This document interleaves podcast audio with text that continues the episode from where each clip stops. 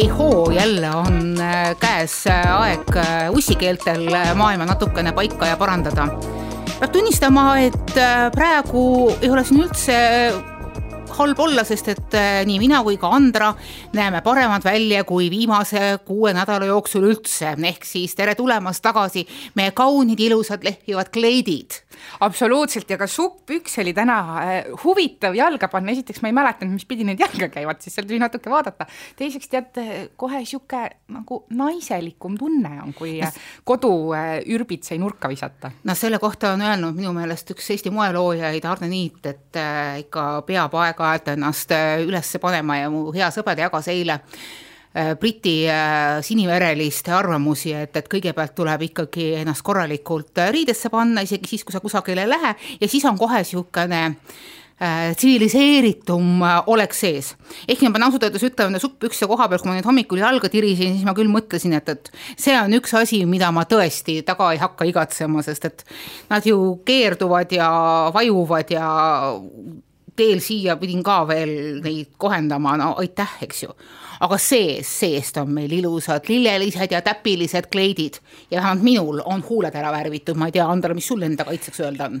no huuled on mul täna värvimata, aga, aga meik on korralik näos, pea pesin äh, puhtaks ja see kleit, mis mul täna seljas on, äh, ühel päeval, ma ei isegi ei mäleta, mitu nädalat tagasi see oli, kui ma garderoobist riideid valisin, mida kodus, kodus selga panna, siis mu kahe poole aastane tõmbas selle sealt välja, ütles emme, pane see, see on nii ilus ja minu lapsed on ka öelnud, et emme, mikspärast sul enam kleite seljas ei ole, et emme, ma tahan sind kleidis näha.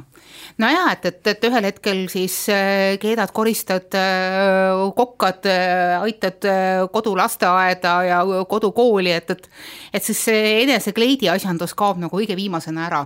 minu meelest see oli ka üks Eesti moelooja, kes ütles, et, et tema nüüd põhimõtteliselt teebki sellise karantiiniseaduse, et ta kannab iga päev ühte imeilusat kleiti ja ükskõik kui üle, üle võlli see ka oleks, tema tahab oma kleite tuulutada. Ja ilusad kleidid tegelikult tahavad saada kandmist, mitte sellepärast, et see on nüüd mingisugune tühisus või volangiloba. inimese enesetunne väga sageli tuleb ka tema enda ümbrusest ja kui sa oskad seda pakendada kaunimalt, kui sa lisaks oma korras kodule koristad ära ka iseenda. Ja koristad, koristad ära ka iseenda välimuse ja paned selle kaunima kleidi selga ja kui sa sellepärast nagu tunned ennast natukene paremini, siis praegusel üldisel tule ja turma ajal on see üks äh, väärt pisikene vitamiin. kusjuures, kui ma kogusin äh, meie kolleegide lugusid kodukontorist või siis äh, kodukontori koosolekuteks mm -hmm. valmistamisest, siis üks kolleeg ütles, et tead, tema teeb silmadki pähe. isegi kui ta ainult helistab, tal on kohe enesekindlam tunne, parem olla ja ta tunneb, et ta vestlused on ka sisukamad siis mm. -hmm. sest et ta oleks nagu niisuguses töö ma ei tea, siis äh, noh, keskkonnas, sest et tööle ju tuled ikka hommikul, nii et oled natuke peeglisse vaadanud, siit-sealt kohendanud, et miks sa kodus seda ei tee? ja peeglisse tuleb tegelikult kogu aeg vaadata, et juba mingisugune äh, enne seda kriisi algust panin ma tähele, oli läinud viraliks ehk siis hästi kiiresti sotsiaalmeedias levima ühe Ameerika koduperenaise algatus, et, et emad kes on kaua kodus olnud, et me ka, me kipume kusagile ära vajuma et äh, tuleb panna spetsiaalselt ennast ilusasti riidesse ja tuleks ka sellest riidest teha väikene selfie. see ei ole siin mingisugune Kard-, Kard-, Kardashian-esk niisugune äh, egotripp, vaid see on sinu enda hea enesetunde pant. lisaks sellele on äh, kunagi aastaid tagasi jõle tore vaadata, ka sellest perioodist on minu arust üks kena ülesvaade äh, tehtud. kusjuures, äh, kui ma praegu meenutan, siis kui ma ise olin lapsega kodune, siis ma üks hetk avastasin peeglisse vaadates ja lihtsalt lapsega koos pilte tehes, et issand, ma olen näost nii halliks läinud. sihuke värvid mitu varjundit, et ta lihtsalt hall nägu vaatas peeglist vastu ja mis ma siis otsustasin? tookord ma otsustasin, et võtku, mis võtab, ma hakkan tegema iga hommik ja õhtu korralikku näohooldust mm. -hmm. ja usu või ära usu, aga paari päevaga ma vaat-, mulle vaatas peeglist vastu ilus kaunis naine, kellel oli näos jume ja isegi meiki polnud vaja, et ennast hästi no, tunda no,. et äh, ma tegelikult olen ka praegu kodus istudes selle nagu ära kaotanud, vahel tekib tunne, et ah, pole ju meiki pannud täna, mis ma õhtul sellest näost nüüd seal hakkan puhastama saja erineva vahendiga. tegelikult, kui seda paar päeva teha, juba näed peeglist, ärkad hommikul üles, vaatad, ossa poiss, polegi mingi koletis enam. no esiteks muidugi need kõik need koletised on meie enda peas väga sageli, eks ju no,. võiks ju öelda, et, et äh, mu armas, sa näed äh, igast posängist hea välja, ma arvan. aga äh, natukene unustada, noh, mitte unustada iseennast siin ära, see tegelikult on nagu üleüldine. et ikkagi äh, juuksed kammida, pea pesta sagedamini kui üks kord nädalas või üks kord kuus, nagu ma siin olen juba rääkinud. Ja noh, see, et siin mõned inimesed on sotsiaalmeedias öelnud, et, et oh, nad ei ole kuue päeva jooksul ennast pesnud, no ma ei tea, see ei ole väga meeldiv, ma usun. ma ei tea, minul hakkab ikkagi, kui ma ei ole noh, ühe päeva pesemas käinud, siis mul hakkab juba sihuke omal kuidagi ebameeldiv. jah, tsivilisatsioon tuletab ennast meelde. absoluutselt, see on nagu vähim kodus, mis ma teha saan, on käia duši all nagu regulaarselt. ehk siis säilitame kriisis ka oma, ühe oma osa sellisest äh, inimlikust äh, pealispinnast. ja absoluutselt, isegi kui kaaslane kodus küsib umbes, et kus sa minema hakkad, siis äh, kui naised sinu käiksid, juurde, mu armas. kui naised käiksid meeste pärast ilusti riides mm, -hmm. siis äh, naised ei kannaks üldse riideid. no just nimelt, kõige olulisem on see, mis on riiete all. siin tuleb, meenub mulle, kus üks hea tuttav äh, pani endale spetsiaalselt kleidikese selga ja läks mehe eest keerutama ja mees küsis, et kas midagi on teistmoodi et noh võib ju olla, et, et noh, et meie partnerite jaoks me olemegi head ja ilusad täpselt sellised, nagu me oleme ja minu armas abikaasa armastab ikkagi öelda, et, et lemmikleit ilma igasuguse kleidita, palun, kallis. no minu kaaslane on ju öelnud, et, et kõige kaunim oled sa siis, kui sul ei ole seda meiki. noh, aitäh, eks ole, see on minu enesetunde küsimus tegelikult, aga äh, rääkides veel sellest iseenda jaoks sättimisest äh,, siis äh, mu ühe kunagise kolleegi vanaema oli talle öelnud, et alati, kui kodust välja lähed ja ka kodus tegelikult, pane selga oma parim pesu sest ja. kunagi ei tea, millal võid sattuda haiglasse oh, ja sa ei taha, et keegi näeks sind rõvedates langevarjudes. no ma ei tea, mul on muidugi see kuidagi nõukaajast alates olnud, ma olen äh, otsapidi selle aja laps, et et toonased igasugused need äh, vuplid ja pesud olid suhteliselt õudsed ja ma mäletan, kus ma põhjustasin oma emale korralikku peavalu, et ma keeldusin näiteks äh, mustriga laste pesu kandma suhteliselt varajases äh, eas. et ei, see asi peab olema ilus ja see asi peab olema ilus igal päeval, ükskõik, kas ma pean nüüd kusagile haiglasse minema või siis tegelen mingisuguse muu, ma ei tea, kahtlase või mitte kahtlase asjandusega aga äh, eneseväärikus on selle asjanduse nimi ja enesetunne on äh, üks üli, üli, ülioluline asi, mis puudutab muuseas Andres seda meigi asjandust, siis mulle ka meenub nüüd äh, üks mu ammune tuttav meessoost, kes alati ütles oma naisele, kes oli ilus nagu isamaa, et issand jumal, miks sa ennast ei meigi, sa näed, sa näed välja nagu niisugune Tiiu Talu tütreke, nagu sa natukene paneksid seda huulepulka ja ja paneksid äh, seda asjandust juurde, et sa näeksid nii kaunis välja ja noh, naine hakkas siis äh, vaikselt äh, huulepulka ja muud niisugust asja panema ja siis tuli välja, et mees vahetas ta välja ühe väga-väga äh, tavalise väljanägemisega tütarlapse vastu, nii et, et noh, mida sa tahad, ei pruugi olla see, mida sa ilmtingimata valid. no üldse selle meigiga ju tegelikult meik peaks naise loomulikku ilu nagu rõhutama või välja tooma, mida väga palju ju on äh, või noh, mis mulle on sotsiaalmeediast jäänud silma, osad modellid on jaganud vahel äh, nagu pilte endast siis pärast mingit moeshow'd, kus meigi teema oli loomulik ilu noh, ja siis nad on pannud selle pildi, et kas see on see loomulik ilu. kui mul on niisugune tugev silm tehtud ja põsesarnad äh, hästi üles vuntsitud, et tegelikult ei ole, mis on selle meigi eesmärk meie eesmärk on äh, tõsta seda, mida tahad tõsta ja seda, mida sa äh, tahad varjata, aga tegelikult on meid, mingi eesmärk, kui me vaatame asja nagu võib-olla natukene siin märgiliselt äh, semiootiliselt, palun vabandust kõikide semiootikute eest, et see on enese vastavaks tegemine teatavate ühiskondlike normidega. see võib kõlada natukene natukene jällegi tühiselt, aga me oleme karjaloomad ja me tegutseme teatud äh, märgisüsteemide alusel. ja need märgissüsteemid, äh, kas või see, kuidas me võib-olla kodus mingisugused tiivad ja padjakesi asetame või see, et, et äh, kes, kes kasvatab juukseid ja kes paneb neid patsi ja kes ei kasvata neid, et, et see annab meile mingisuguse kuuluvustunde ja noh, mistõttu äh, mina feministina näiteks leian, et, et meigi kasutamine ei tee sind teps mitte vähem feministlikumaks, see annab sulle ühe võimaluse ennast äh, väljendada.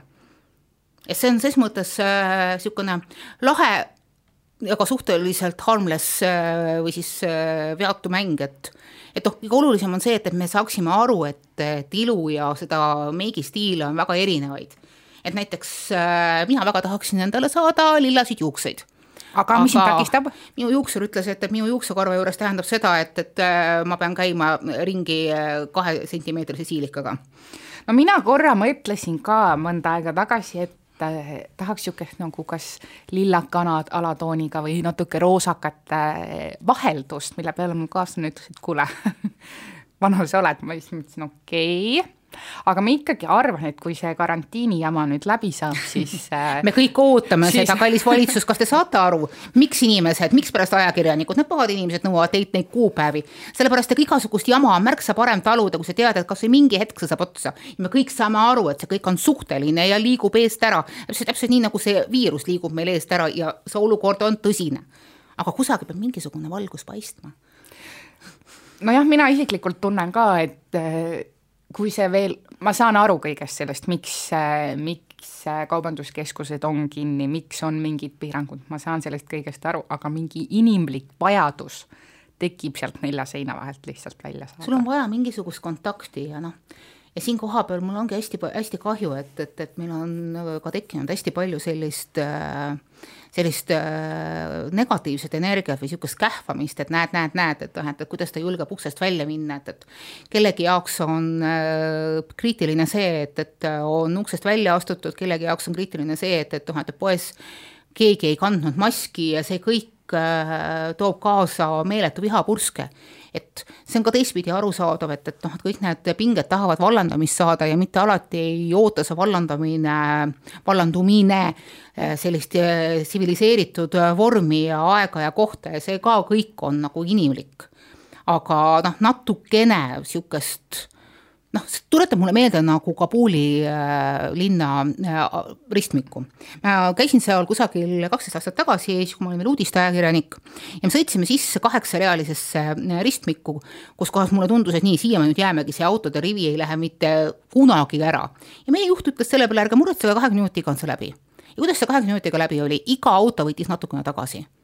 ja kui me kõik võtame natukene tagasi oma oma vajadusega kusagilt kähvata, õiendada, parastada, et siis tegelikult see ummik läheneb ka kiiremini, sest et noh, võib-olla tõesti äh, kõik piirangud ei ole alati kõikidele inimestele kas kohale jõudnud, äh, on mingisuguseid tagasid, kõige olulisem on see, et, et me ei külvaks selle pealt inimesi liiga palju negatiivse informatsiooniga üle ja me ei tekitaks ka paanikat, kusjuures vahetult enne seda, kui me siia jõudsime, saatis meie tuttav mulle sõnumi, et linnast on otse lõppenud pärm.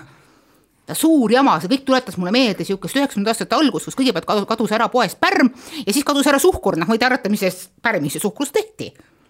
ja et, et äh, kus nüüd saab äh, neid äh, potisaiu ja kaneelirulle teha. no mis ma siis tegin, saatsin tuttavatele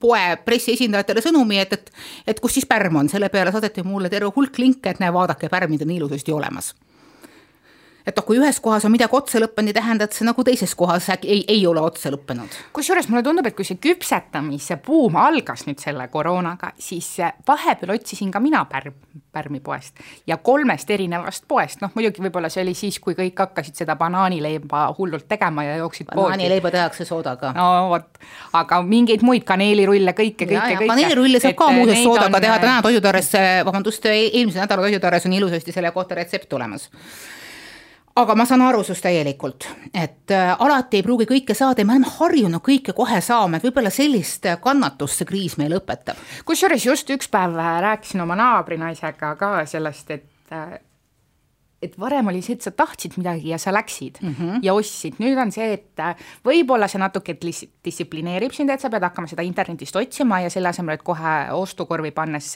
välja osta, sa hakkad mõtlema, kas sul ikka on seda vaja mm. -hmm aga see tunne natukene ahistab, et ma ei ole oma valikutes enam äh, nii vaba, kui ma varem olin. et ma pean mõtlema, kas ma lähen, kuhu ma lähen, kas ma üldse saan minna, noh, mingid poed on lahti, aga natuke ikka kriibib see, et kui ma sinna nüüd lähen, siis ma olen nagu paha mm. -hmm. ja samal ajal äh, ei saa ju kõike tellida äh, internetist, et nüüd on tõesti väidetavalt hakanud need äh, kullerjahad natukene paremini liikuma, ma ei tea, millises äh, dimensioonis see juhtub, äh, mina ei ole endale sobivaid aegu peale, peale saanud, aga noh Eh, nagu ikkagi ela, elame, elame edasi, aga need suurepärased pajaleiva ja küpsetamishullustused, üks hea tuttav ütles, et, et huvitav, kas meelega riimuvad omavahel karantiin ja gluteen. aa, no vot ja et, et noh, niisugune küpsetamine, ise tegemine, see on üks hästi oluline, üks oluline jällegi noh, eelmises saates ka rääkisime, viis, kuidas äh, enda sellist äh, ärevust maandada ja noh, söömine nagu ikka teeb inimestel äh, rõõmsaks, see, kuidas me siin sel suvel rannahooajas oleme, kui üldse randa lubatakse. no vot. no vot. no seal muidugi on ju pigem lihtne distantsi hoida ei vä? no ei tea, siin mõnikord on ikka kuigi mina ei ole väga, üldse rannainimene, mina ei mäleta, millal mina viimati rannas, rannas käisin. mina armastan rannas käia, aga ma armastan just sellises kohas, kus on mu ümber nagu hästi palju äh, äh, vaba, vaba pinda ja muud niisugust asja, et et noh, siin äh, inimeste lemmik äh, jalutusrajad äh, Stroomi rannas, seal on siiamaani koroonalaine kuumalaine asemel aga noh, päike on samas jällegi oluline asi, kusjuures äh, minu naabrid, mina elan äh, Mustamäe alguses, on juba leidnud viisi, kuidas päikest võtta. Iga päev, siis kui päike paistab kusagil üheteist pajal, ilmub vähemalt kaks inimest minu naabermaja akendele, täpselt nii, nagu jumal on loonud, üks noor naine ja üks mitte nii väga noor mees ja hakkavad eest ja tagant ennast peesitama ka üks meie kolleeg võtab aknalaual päikest küll jalgadele vaid, aga kurtis, et tal on ma varsti. väga üles ei lähe sellega no. aga kurtis, et tal on varsti pruunid ainult jalad eest, et tagant on valged. nojah, siis tuleb keerata, ma ei tea aga tulles tagasi selle naiselikkuse juurde, mida, kas sa oled midagi kodus ette võtnud, et, et seda nagu rõhutada või kuidagi muuta seda kodus dressimutiks no, olin, ei kusjuures, siis niipea kui see garant- äh,, äh garantii või see karantiin peale hakkas, siis esimene asi, mis ma tegin, äh, oli investeering äh, kodustesse dressidesse, sest et äh, ma avastasin, et mul ongi ainult lendlevad kleidid, niisugused kontorikleidikesed ja koduseid selliseid ilusaid dresse mul ei ole. Ja noh, hilisnõukaaja lapsena, kes on keskkooli lõpetanud aastal üheksakümmend kolm, mäletan ma suurepäraselt, kui õudsed olid need dressid ja niisugused koduriided, mis nõukaajal pakuti ja minu jaoks on see hästi oluline, et, et dressid oleksid ilusad. ja noh, kaasajal juba tehakse niisuguseid ilusaid asju. nii et, et päris korralik kapitalimahutus läks sinna, nüüd ma pean muidugi tunnistama, et peale seda, kui ma olen nüüd neli nädalat neid kandnud, siis äh, ma arvan, järgmised neli nädalat ma hakkan neid samu ilusaid äh, lehvivaid kleite uuesti kandma. kusjuures mina olen üks neist inimestest, kellel ei ole koduriideid. jah, väga paljudel on niimoodi. ja ma olen nagu ausalt täitsa hädas, sest eh, ma ei ole ka väga suur T-särgi fänn. no kas oskad ise teha? no jah, aga, aga ma teen oma kapi lahti ja mul ei ole särk nagu pluuse selga panna, sest ma ei ole neid ostnud, sest ma ei kanna neid muidu väga, mul on kolm-neli T-särki, mida ma kombineerin äh, seelikutega tööl käies ja mul on hunnik kleite ja mul ei olegi kodus midagi selga panna enam siis needsamad neli särki on nii ära kantud, et ma ei taha neid enam. ja nüüd ma vist peangi võtma järjest äh, oma kleidivaru lahti no aga sa oskad ju suurepäraselt õmmelda, sina saad endale ise teha, see on jällegi üks nendest superoskustest, mis, mida, mis minul kahjuks ei ole. see on et, lihtne, see on õpitav, ka selle tõesti, ma õppisin jah. ära siis, kui äh, ma sain lapse alles. ennem seda koolis äh, käsitöötundides mina harutasin ja kodus ema õmbles no kui ma pidin aastaid tagasi oma esimeseks äh, abieluks pulmadeks vimplit, äh, vimplit äh, ääristama, siis ka seal oskasin ma üle ääre lasta. nii et, et seda lõpuks vist pulmalauale ei pandudki, võib-olla jah, see esimene signaal, et ikka ei lähe need asjad nii hästi. aga võib-olla, kui see koroona läbi saab, siis tuled ja ma õpetan sind natukene. oi, see oleks küll tore, Andre hakkab tegema, Andre võiks teha video tutorial'e, kuidas vimpleid ääristada ja kuidas endale lihtsaid koduseelikuid teha ja niimoodi korralikult, kusjuures mäletad, Andra, kui me, kui me selle saate teemasid arutasime, siis, siis, siis me arutasime ka seda, et, et huvitav, kas see kriis on meid teinud kokkuhoidlikumateks, teadlikumateks, ses mõttes, et, et me istume rohkem kodudes ja me teeme kõik asjad ise ja kaubanduskeskuses ei käi ja raha jääb kõik alles ja midagi ei jää alles. Sest kui sa tahad ise teha ja õmmelda ja olla, siis sa lähed sinnasamusessegi internetipoodi ja ostad need. no selleks, et äh, õmblema hakata okei okay,, sul on vaja õmblusmasinat, sul on vaja kangaid ja sul on vaja kääre, niiti, nõela ja sulekesi ja pandlakesi ja. aga mina olen jõudnud sinna, et mul on ühe õmblusmasina asemel kaks. nii see algab. mul on kaks suurt äh, plastkasti kangaid. Ja siis selle koroonaga on mul veel, see tegelikult algas jõuludega, ma see aasta või siis möödunud aasta lõpus otsustasin, et ma saadan ise tehtud äh, jõulukaardid oma sõpradele. ja sealt see sai ka alguse selline pisik, mis äh, kuskile kaduda ei taha ja see kaardi tegemishullus on läinud päris käest ära sest eh, kogu aeg tekkis tunne, et okei okay,, tahaks seda ideed realiseerida, vaatad oma asjades, oi, pole, oleks seda, seda, teist, kolmandat vaja. nii et eh, palju ma paberite alla raha magama olen pannud, mitte ainult see kuu, vaid ka siin eh, paari eelmise kuu, kuu jooksul kokku, ma ei taha teada. no see on suurepärane asi, näiteks kriisi ajal sa ei saa ju inimestele sünnipäevaks minna õnne soovima, sa saad neile kaardi saata. ma olen nüüd. saatnud kaks kaarti juba. kõigest kaks? no sünnipäevasid ei ole Aha. olnud rohkem, aga jõuab veel, kui see kriis kestab. jah, ja see annab äh, võimaluse läheneda personaalselt sellele inimesele, mul on üks äh, sõbranna, kellel meeldivad toataimed ja kassid. ja ma panin need mõlemad asjad kaardi peale. sa panid kaardi peale, kuidas kass sööb taimi? ei, kahjuks mitte, aga. ma ei tea, jumalast vähe kaart, ma nõuan sellist kaarti no sulle teen järgmiseks aastaks. sa võiksid teha mulle äh, sellise kaardi, kus kohas äh, laps üritab taimi süüa Teil on niipidi ei no meil, ei meil on pigem niipidi, et äh, viimase aja pättustest number üks on see, et, et Robin ei kasta lilli enam.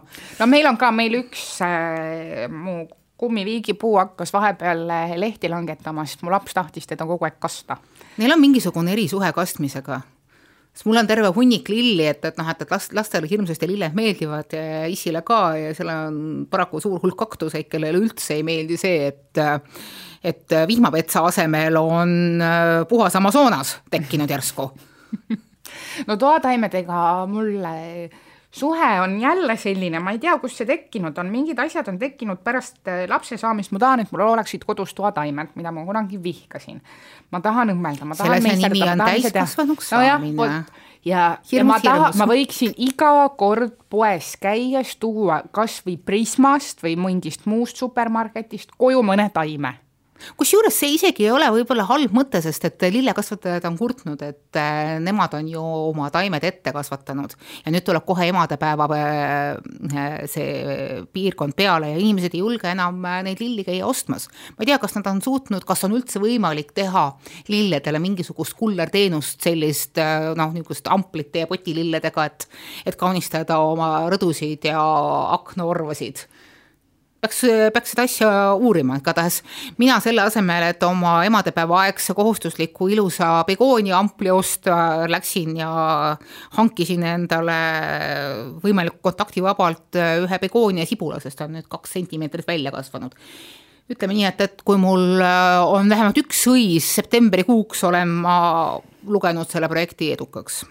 no toataimedest üldse rääkides, siis mina olen viimane kord palusin äh, oma sünnipäeva ajal oma kaaslasel siis mulle mitte lilli tuua, vaid kinkida seesama kummiviigipuu oh.. sest et see on ju palju püsivam on. kui see, et mul on äh, vaasis ühed, kuigi mulle väga meeldib, kui vaasis on lilled ja selle karantiini ajal ta on või jah, isolatsiooni ajal on ta mulle ka toonud korduvalt lilli. Wow.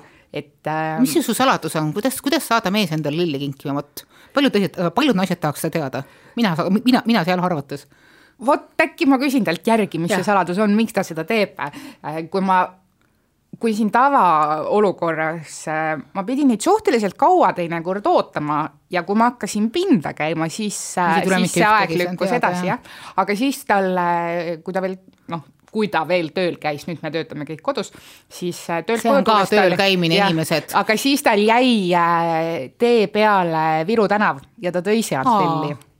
Ja, ja talle meeldis sealt tuua, sest et ta kuidagi, talle tundus, et seal nagu, sealt ostetud lilled püsivad äh, paremini või on kallimad ja kallimad, eks ole. Aga üks päev levis äh, Instagramis äh, kulutulena selline postitus, et Rotermannis müüdi viiskümmend tulpi viisteist eurot. ja terve Instagram oli neid täis. Ja kui ma ei oleks elanud nii kaugel, ma oleks ka ostnud no see on see koht, kus paned endale rattale hääled sisse ja lähed. veel. ütleb inimene, kes äh, eile kõndis, eile arvatavasti väntas maha mingisugune kakskümmend viis kilomeetrit ja täna hommikul ei tahtnud põlved väänduda. mul oli eelmine kord selline jama.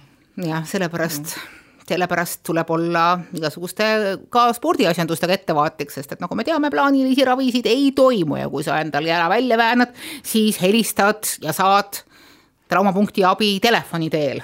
ei no minul ju oli pandud ka üks arstiaeg, mis äh, tühistati ära, tele, siis äh, vastuvõtu ajal helises mu telefon ja tead, mulle tundus, et see arst ei saanud aru, mis arstiaja ma olin omale pannud, ma ise hakkasin mõtlema alles pärast seda kõne lõppu, sest et ta hakkas mulle rääkima täiesti teistest asjadest, kui, kui need, mille pärast mina mõtlesin tema juurde minna.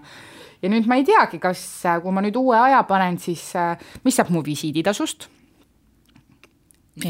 kas see läks kirja kui visiit, kas ma pean äh, uuesti selle maksma?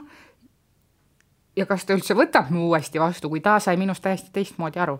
no küsimusi tervishoiu ja muu niisugusel teemadel on äh, loomulikult kõikidel nendel koroona aegadel väga-väga ki-, väga-väga palju tulemas ja see segadus, et noh, et, et et noh, väidetavalt hakatakse ju plaanilist ravi järgmisest nädalast äh, uuesti lubama. minuga juhtus sel nädalal selline tore asi, et otsustasin mina, see nüüd on natukene kaugem lugu tuleb, et otsustasin mina, et, et ma teen ka siis äh, ise saia äh,, ma küll väga saia ei armasta, aga et, et kui on mooduvärk, siis eks ma ka proovin, aga ma panen selle asjanduse, selle väljakutse nõks nagu kõrgemale, ma tahan teha juuretissaia hapusaia ja ma tahan selle juuretise ise valmis teha nädal aega mina segasin juuretist, poputasin ja soputasin ja segasin teda ja hoidsin teda radiaatori vahepeal, et tal ikka hea soe oleks.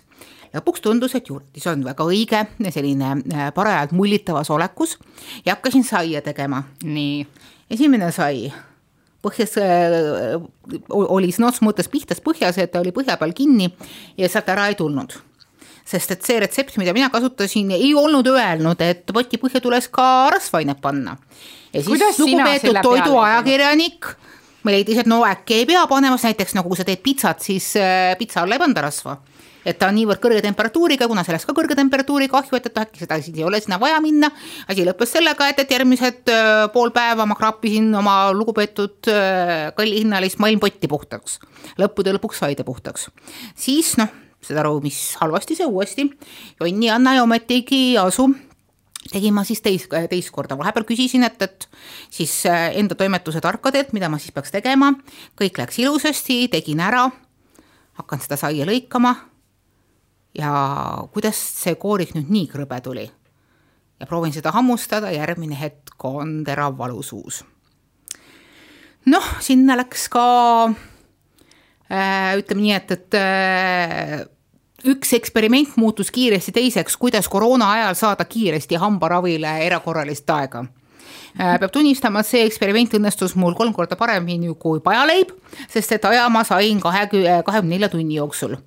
natukene küll äh, kurtsin, et, et noh, et ma peaks nagu kohe saama, selle peale öeldi, et kuule, niigi hästi läks, et sa said järgmise, järgmiseks äh, päevaks no arsti juures õnneks läks hästi, et, et tuli välja, et, et noh, tead seal mingisugune väikene jama on, pandi, pandi see asi kinni. Öeldi, et äh, ootame plaanilisele ravile, aga see saab olema millalgi võib-olla suvel, võib-olla isegi sügisel, sest et kui nüüd järgmistel nädalatel peaks plaaniline ravi uuesti lahti minema, siis tähendab see seda, et, et kõik need inimesed, kes on pikisilmi oma aega oodanud, võetakse enne ette. Nii et ma pean oma tuleviku pajaleibadega väga ettevaatlik olema, kuid äh, selle sagala on nii-öelda happy end, sest et peale seda õnnetut pajakogemust, seekord põhja ei kõrbenud leidsin ma, et, et nüüd mul aitab, mina rohkem äh, seda hirmrasket pada ei käitle ja alasin ülejäänud taina tavalisse leivavormi. panin selle ahju, küpsetasin nõuetele vastavalt äh, iseenda loogika järgi ja võtsin välja, oli täiesti perfektne, korralikult kerkinud, õige kärjestruktuuriga, maitsev, neutraalne, hea hapuleib. issand, kuidas ma tahaks seda praegu see oli lihtsalt super, ehk siis kõige raskema osa juuretisega enda jaoks ma sain hakkama, sain selle tainaga hakkama. ma lihtsalt panin ta natukene valesse potti ja arvestasin selle mingisuguse inglisekeelse hapusaia retsepti järgi, sest eesti keeles isegi korralikku paja hapusaia retsepti pole olemas, on äh, hästi palju erinevaid äh, käsitlusi, mille puhul võib aru saada, et äh, kirjutaja vist eeldab samasugust professionaali teadmist teistel, noh ütleme nii, et, et kui ma selle nüüd kirja panen, siis on ka Toidutoores selle kohta üks väga tore katse, eksitus, eksitus, katse, teatud määral õnnestumine ja lõpuks juhuu efektiga asi olemas aga ettevaatus nende paja, pajasaiadega võivad need koorikud minna üsna halvasti. Aga see ei tähendaks, et, et inimesed peaksid igasugustest kokkamistest loobuma, see on endiselt üks tore viis, kuidas ennast vallandada, kuidas ennast maandada. vot kuidas teil kodus üldse selle söögi tegemisega on, kas see on ainult sinu pärusmaa või? ei, ei ole, meil mingisugune hetk tekkis isegi väikene niisugune konkurentsi mõte, et, et noh, et kumb rohkem süüa hakkab tegema ja kumb saab teha. Et äh, lugupeetud abikaasa on natukene isegi äh, trossis selle peale, et ma olen tema nii-öelda lemmiktoidud või tema need leivanumbrid hakanud vaikselt üle võtma, et, et sinnamaani oli tema suurepärane boršimeister ja siis tuli välja, et, et, et ka mina oskan seda teha ja kohati isegi täitsa hästi, ma ütleks. et äh, täiesti teadlikult perekonnarahu huvides ei ole oma näppasid, ei ole mina oma näppe pannkoogitainesse ajanud ja vahvlid jäävad ka temale. Kusjuures see pannkoogi teema on vist äh, järjest rohkem nagu meeste teema sest et minu peres no midagi peab nii, neile ka ju jääma. minu peres näiteks on niimoodi või noh, minu vanemate juures siis, et äh, kui mina olin laps, siis äh, siis äh, meil söödi pannkooke pühapäeva pärastlõunal või õhtul, sest sellised traditsioonid on hästi olulised. tuli mingi meelelahutussaade ja ema tegi neid mm, -hmm. aga siis kord oli äh, isal töö juures äh, mingi selline projekt, et äh, esmaspäevaks vist äkki tegi iga osakond siis midagi tööle nagu süüa, et mm -hmm. nädal hakkaks toredalt ja siis, kui oli isa meeskonna kord, siis äh, nad tegid pannkooke ja pärast tuli välja, et minu isa küpsetas neid pannkooke hmm.. pärast seda mm -hmm. ütles minu ema. oi kui tore. oi kui tore, tema seda enam tegema ei pea ja nüüd ongi nii, et äh, iga pühapäeva hommik nende peres on minu isa küpsetatud suured õhukesed pannkoogid ja kui ma olen maal ja nende juures ja sinna lauda istume, see on nagu päeva parim hetk. No ma kujutan ette. sest sinna kui... läheb vahele toormoos, jäätis või vahtrasiirup ja lihtsalt mm.. ma tunnen sulle kaasa, sa ei saa neid praegu. jah, mul on lootust, et äkki emadepäeva pühapäevaks me saame minna maale, kui kõik läheb hästi ja, ja kui läheb kõik hästi, siis võib-olla tulevad juba esimesed kriisi leevendamise etapid, et, et maailmas on selleks pakutud välja kolm etappi, et, et noh, et, et üks esimesi ongi see, et, et et äh, vaikselt lähevad teatud äh, ärid ja kauplused käima. Ja kusjuures Eestis on see kriisimeetmed olnud võrreldes muu maailmaga märksa leebemad, meil on ju osalised kohvikud ja ka osad söögikohad olnud öö, äh, otsapidi lahti et, et hakatakse lubama võib-olla rohkem lahti olemist, see maailm saab kindlasti väga muutlik olema, tuleb väga palju rohkem distantsi sisse. jällegi, et noh, eestlased see on see vana nali, mis, mis eelmine kord ka tegime, et, et eestlased protesteerivad, et äh, kahe inimese vahemaa on kõigest kaks meetrit, mis mõttes me tahame oma kuute meetrit tagasi mm. -hmm.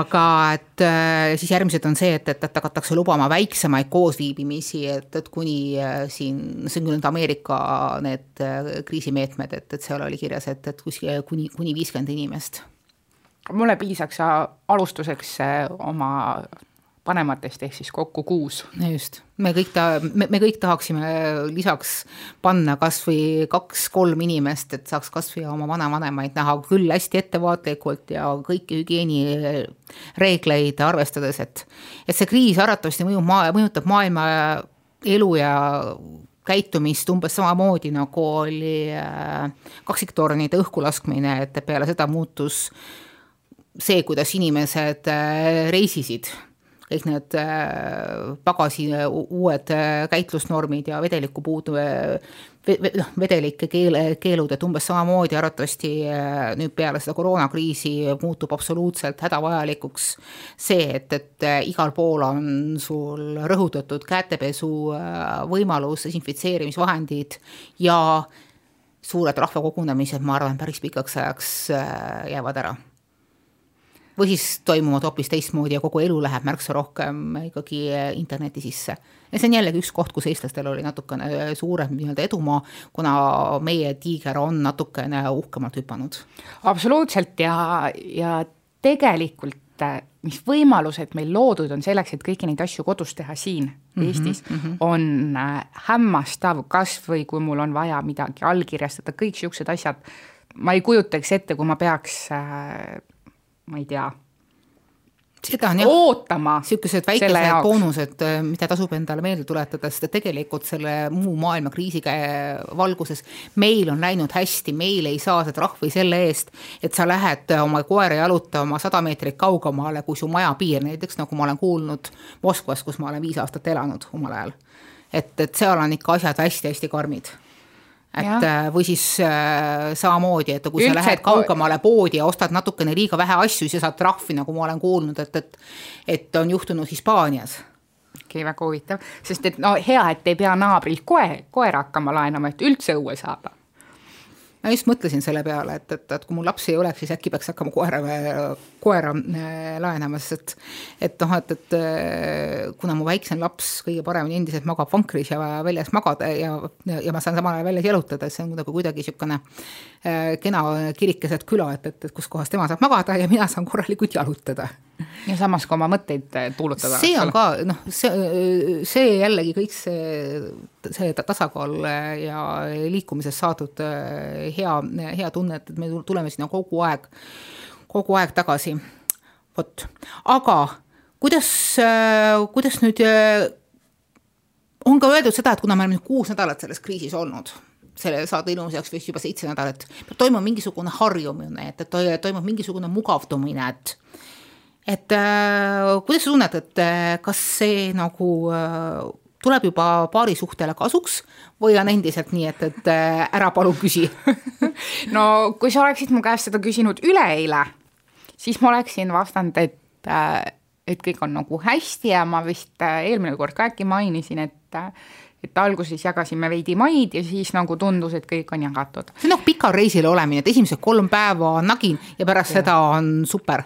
aga eile kuidagi juhtus nii, et äh, hommikul äh, tõmbasime kodus sae käima ja see saak käis kuni õhtuni mm. -hmm. et äh, noh, võib-olla see oleks niikuinii juhtunud, võib-olla me oleks niikuinii eile seal lõpuks kõik kuidagi läinud äh, tülli.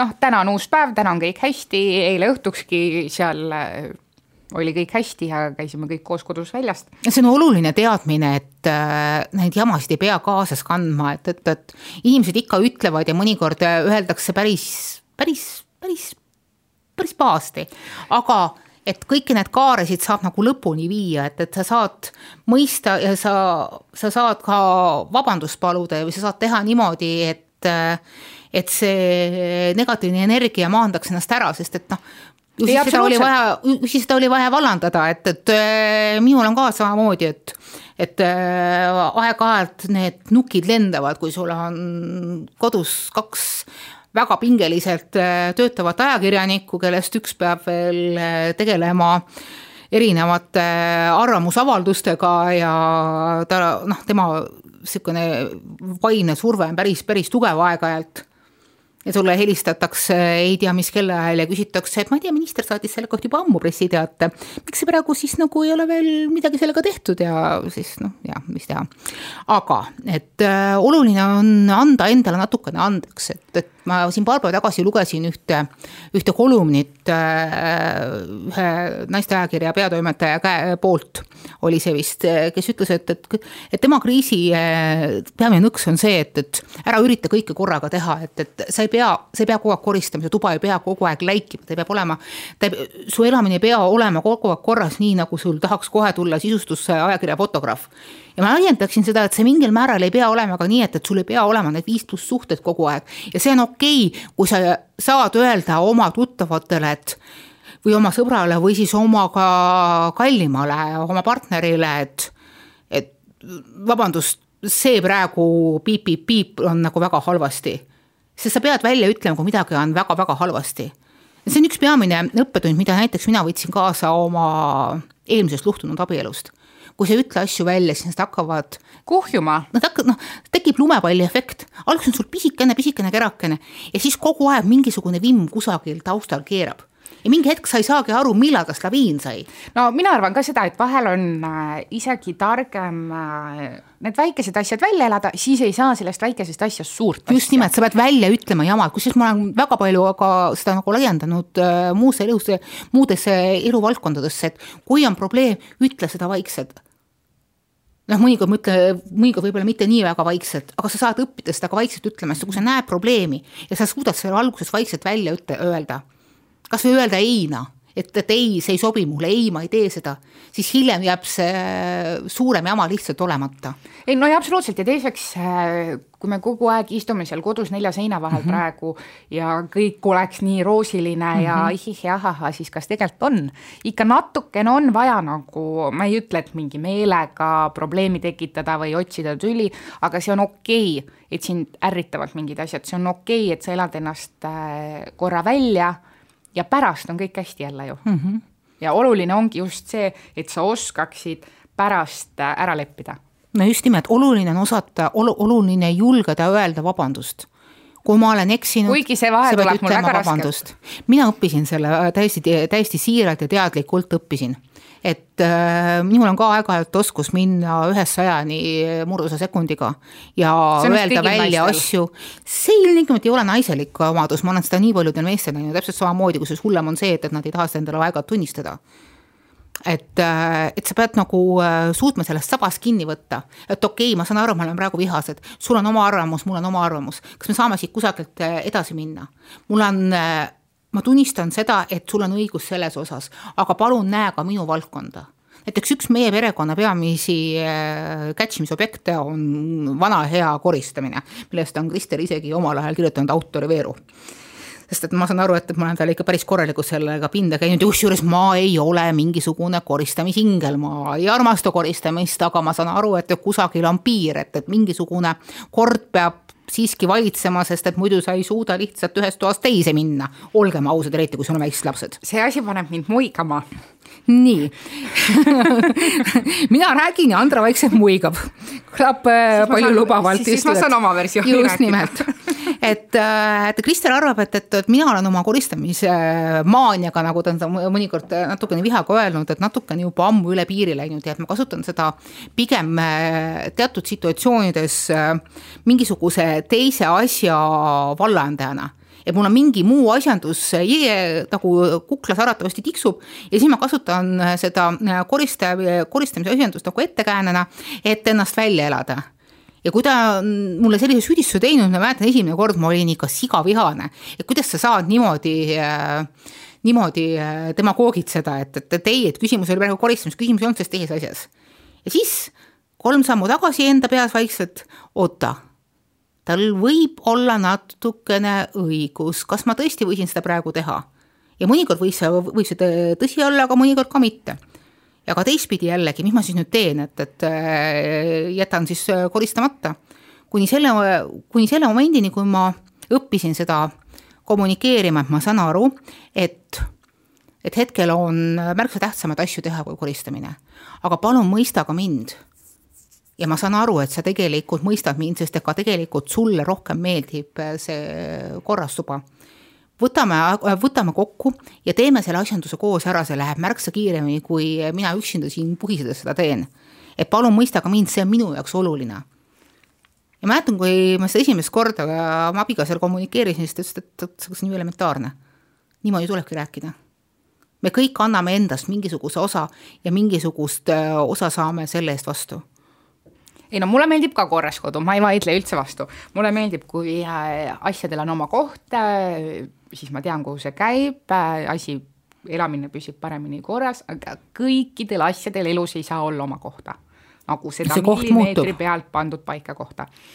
Aga meil on vastupidi, ma ei, mulle meeldib korras elamine, ma olen nõus koristama, mulle meeldivad süsteemid aga mu teine pool on selles eriti pedantne, meil on nagu vastupidi justkui, ehk siis äh, mina ärritun või ärritusin varem, kui äh, mul oli kodukontori päev või siis ma olin äh, õhtune, ehk siis ma alustasin oma tööpäeva kellaga kahest. ühesõnaga õhtune valvetoimetaja. ja, ja, ja tema jaoks tähendas see seda, et hommikul ma ju ei tee mitte midagi kodus aga minu jaoks oli see see aeg, kus ma sain kas õmmelda või noh, teha mingeid muid omi asju, et olla parem kodus pära, parem kaaslane ülejäänud nädal, et see oli see minu aeg, kus ma laen ennast. aga tema arvas, et ma võiks siis eh, pesu pesta, tolmu imeda, seda, teist, kolmandat teha, mis justkui on normaalsed ootused, aga mina ärritusin alati, eks ole. aga nüüd kodus olles äh, kuidagi vahest mulle justkui tundub, et äh, et ta ärritub veel rohkem nende väikeste asjade peale, kui mu kohvikruus jääb sinna lauale arvuti ek ekraani kõrvale ja ma ei ole seda pärast äh, kolme tundi sealt äh, pesumassinasse viinud või kui ma olen söögilauast koos lapsega tõusnud nii, et see kauss jääb sinna, lähme peseme suu-käed puhtaks ja ma unustan selle. mul lihtsalt noh, see ei ole no, minu jaoks nii. kõige prioriteetsem asi sel hetkel, eks ole. noh, sealt need pinged tekivad ja ma ei saa öelda, et ma oleks äh, noh nüüd hirmus lohakas, mulle meeldib, kui on süsteem ja kord, aga ta on veel pedantsem. aga kuidas te olete need olukorrad lahendanud?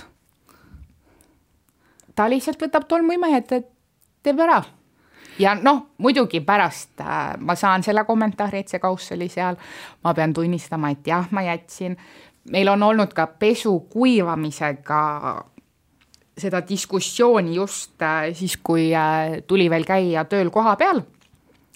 et Äh, kui ma olin äh, näiteks kas või noh, haige lapsega kodus ja tegin tööd ja pesurest oli õhtul ikka veel lahti ja seal kuivas eel, eelmise päeva pesu. äkki tuli märg veel? tema ei saanud aru, kuidas mul ei olnud seda hetke, et seda kokku panna asi ei olnud selles hetkes, vaid asi oli selles, et see ei olnud minu jaoks prioriteetne ja ma lihtsalt, ma ei näinud ma ei pannud tähelegi. sihukest asjadest tuleb aru ja, saada, ma kujutan ja... ette, et päris sageli on ka minu abikaasal seesama tunne, et, et noh, et, et ma ei pea kohe jooksma seda asjandust tegema, sest et noh, et kas ma saan praegu selle asjanduse ära lõpetada. ja ma ei pea sulle iga, iga oma sammu e üle nagu andma äh, ülevaadet, et, et noh, et, et ma teen praegu seda ja seetõttu ma ei saa seda asjandust teha, niisugune liigne mikromanagement on äh, igal juhul äh, suhtes väga-väga halb aga noh, laias laastus me oleme kõik asjad päris hästi ikkagi lahendanud, me teeme näiteks ühel hetkel te tasandate üksteist. me teeme kokkuleppe, et Just, üks paneb oluline. pesu pesema ja kuivama, teine näiteks teeb nõudepesumasina tühja. ja see teeb, ja see teeb seda, mis tal paremini välja tuleb. ja, ja me oleme tegelikult ka kokku leppinud selles, et äh, kui üks teeb süüa, siis teine koristab. see on hästi mõistlik. et äh, välja arvatud siis äh, potid, pannid äh,, need olid ka ennem pesi see, kes ei teinud süüa, nüüd me oleme kokku leppinud, kuna ma alati ei viitsi, kui ta on süüa teinud, neid potte, panne pesema hakata, siis me leppisime kokku, et potid, pannid peseb see, kes süüa tegi, kõik muu köögi koristamine on siis teise teha. Ja igasuguste kodutööde ja muude siukeste asjandustega, et, et nendega saab teha ka sihukest kordamööda, et.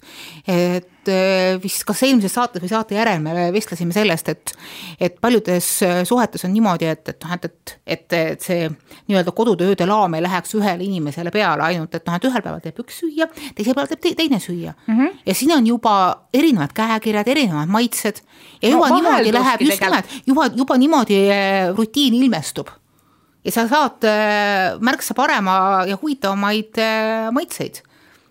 et näiteks meil on ka samamoodi, et noh, et kui mina teen äh, ühel päeval mingisugust, mingisugust teravat, mingisugust tai, Mehhiko, mis mulle kõik seal armastab, tema kõik armastan teha, siis tuleb Krister ja teeb seda tanguputru ja kartuli salatit, ei tea millega ja, ja need on samamoodi head, nad on, annavad niimoodi vahelduse. oluline on see oskus tulla keskpõrandale kokku, seesama, see Kabuli liiklusummiku näide, igaüks võtab natukene sammu tagasi.